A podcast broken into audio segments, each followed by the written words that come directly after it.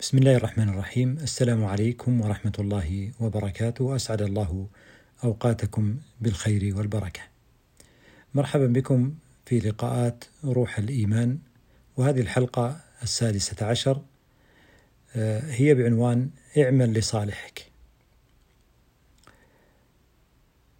الإنسان عليه أن ينتبه لنفسه وأن يراعي مصالح نفسه وأن يفعل لنفسه كثيرا وكلما كان الإنسان كذلك؟ وجد أثر وانعكاس هذا العمل الصالح للنفس في حياته وأمامه. الله سبحانه وتعالى يرشدنا إلى ذلك. فيقول جل جلاله من عمل صالحا فلنفسه.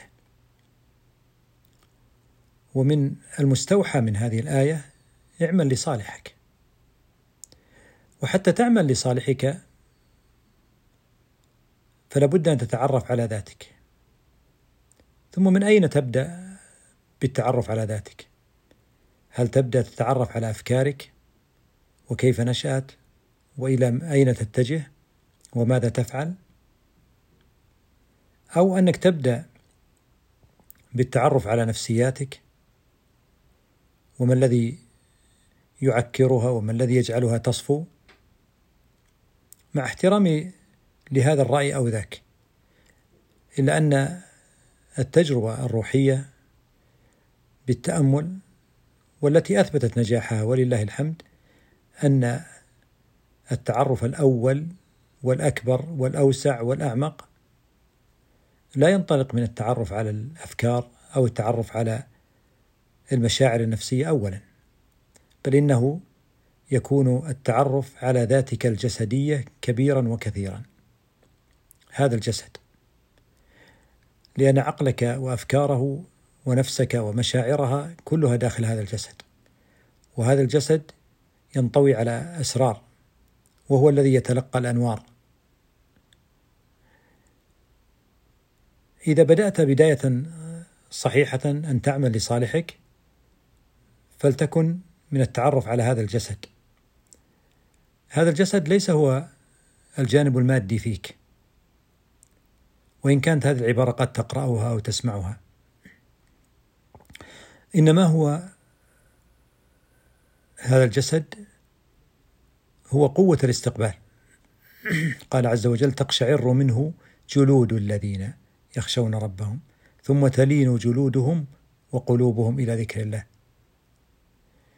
فجسدك يستقبل ويتلقى إما أن يستقبل من الأدنى أو يستقبل من الأعلى.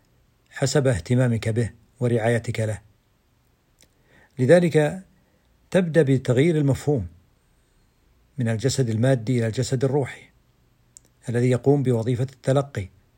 ثم تختار أن ترتب جسدك لأن يتلقى من الأعلى ولا يتلقى من الأفق اولا. فالذين يتلقون من الأفق اولا يتلقون الأخطاء الصراعات همسة الشياطين البعثرات العبثيات لكن الذين رتبوا أجسادهم لأن تتلقى من الأعلى أصبحوا يتلقون البصيرة والحكمة والإلهام التي تأتي أكبر من كل توقعاتهم. ابدأ على بركة الله. ابدأ بالحركة. اعمل حركة. حركة مشي أو أي تمارين رياضية. الذي يناسبك ويناسب مرحلة عمرك ويناسب ظروف مكانك إذا لا بد من وجود حركة. لا بد الجسد هذا الفعل الأول هو أن يتحرك وأن يأخذ حركة يومية ليس فقط للتخلص من أمراض ولا لبناء عضلي إنما لهدف كبير أنت سمعته أن يتحول متلقي إلى الأعلى. فأصبحت الحركة الرياضة أي أيا كان نوعها تعيد بوصلة الجسد من الأفق إلى الأعلى. الشيء الثاني أن يتعلم الإنسان تأملات روحية. كتأمل الصمت مثلا أو تأملات في التنفس وهي كثيرة. لكن يبدأ عند الإنسان عنده عنوان أنه لا بد أن يدخل في التأمل. هذا الجسد أيضا يحتاج إلى حالة من الخلوة. والتفرغ للصمت والذكر. حتى يتعود على السكون ويتلقى السكينة. عند ذلك وعندما يتجه جسدك للاستقبال الأعلى ويبدأ مشواره الجميل مع تلقي, مع تلقي الحكمة والبصيرة والنور والتوافق سيتغير شيء في وجودك. وسوف تتغير علاقاتك. لأنك الآن في الوضع الحالي لو سألت نفسك وقلت هل ما أقرأه يعمل لصالحي؟ ولو سألت سؤال آخر وقلت هل ما آكله يعمل لصالحي؟ ولو سألت سؤال ثالث وقلت هل علاقاتي تعمل لصالحي؟ كل هذه الأشياء مهمة. لكن حتى تتغير وحتى يحدث عندك شيء فعلي ولا يصبح التغير أمنية بل يصبح غاية تتحقق. فلا بد أن تعيد التعرف على الجسد وعلى الوظيفة الوظيفة الكلية للجسد وهي الاستقبال والتلقي. وأنت تمارس هذه الأشياء. ليس هناك خطورة من الأعلى فكله أنوار ومباهج وألطاف. إذا كان ثمة خطورة فهي من الأفق وهي عدوى من نوعين عدوى الأخلاق فالأخلاق تعدي. فإذا كان تواصلك أو مشاهداتك أو قراءاتك فيها شيء من مما يضعف الأخلاق لديك فإن هذا سيجعلك في صراع ولن تتخلص أو تتفرد أو تتفرغ لضبط الجسد على الاتجاه الأعلى. العدوى الثانية هي عدوى المزاج. وقد أثبتت البحوث والدراسات الآن قائمة على أن عدوى المزاج قوية وعملية. فأنت قد تكون منبسطا مرتاحا ثم تجالس أو تقرأ أو تشاهد لما يعكر مزاجك فتنتقل العدوى إليك ومع كثرة انتقال العدوى يصبح الإنسان يريد خيرا ولا يتجه إليه ويعرف علما ولا يستطيع أن يعمل به. وهذا صراع داخلي آه، قد يتلف الإنسان.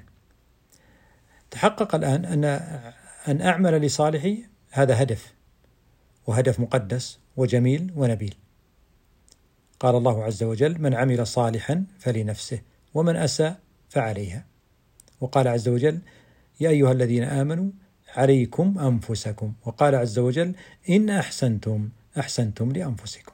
إذا ليكن لك مشروع وهو أنا أعمل لصالحي وتبدأ بالتعرف على جسدك كما أسلفت.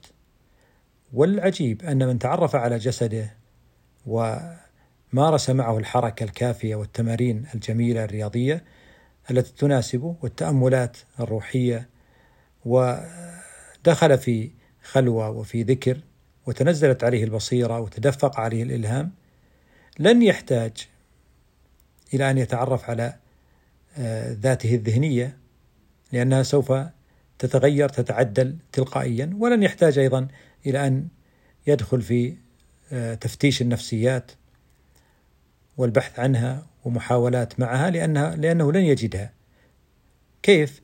ستصبح دائرتك الذاتية آه، الذهنية عفوا ودائرتك النفسية تتحول من ضاغط من أفكار تضغط ومن نفسيات تضغط إلى معلومات فقط. ووجود المعلومات كوجودها في كتاب لا تضرك. أسأل الله سبحانه وتعالى أن يوفقنا وأن يعيننا على أنفسنا وأن يلهمنا ويبصرنا. ونلتقي بإذن الله تعالى.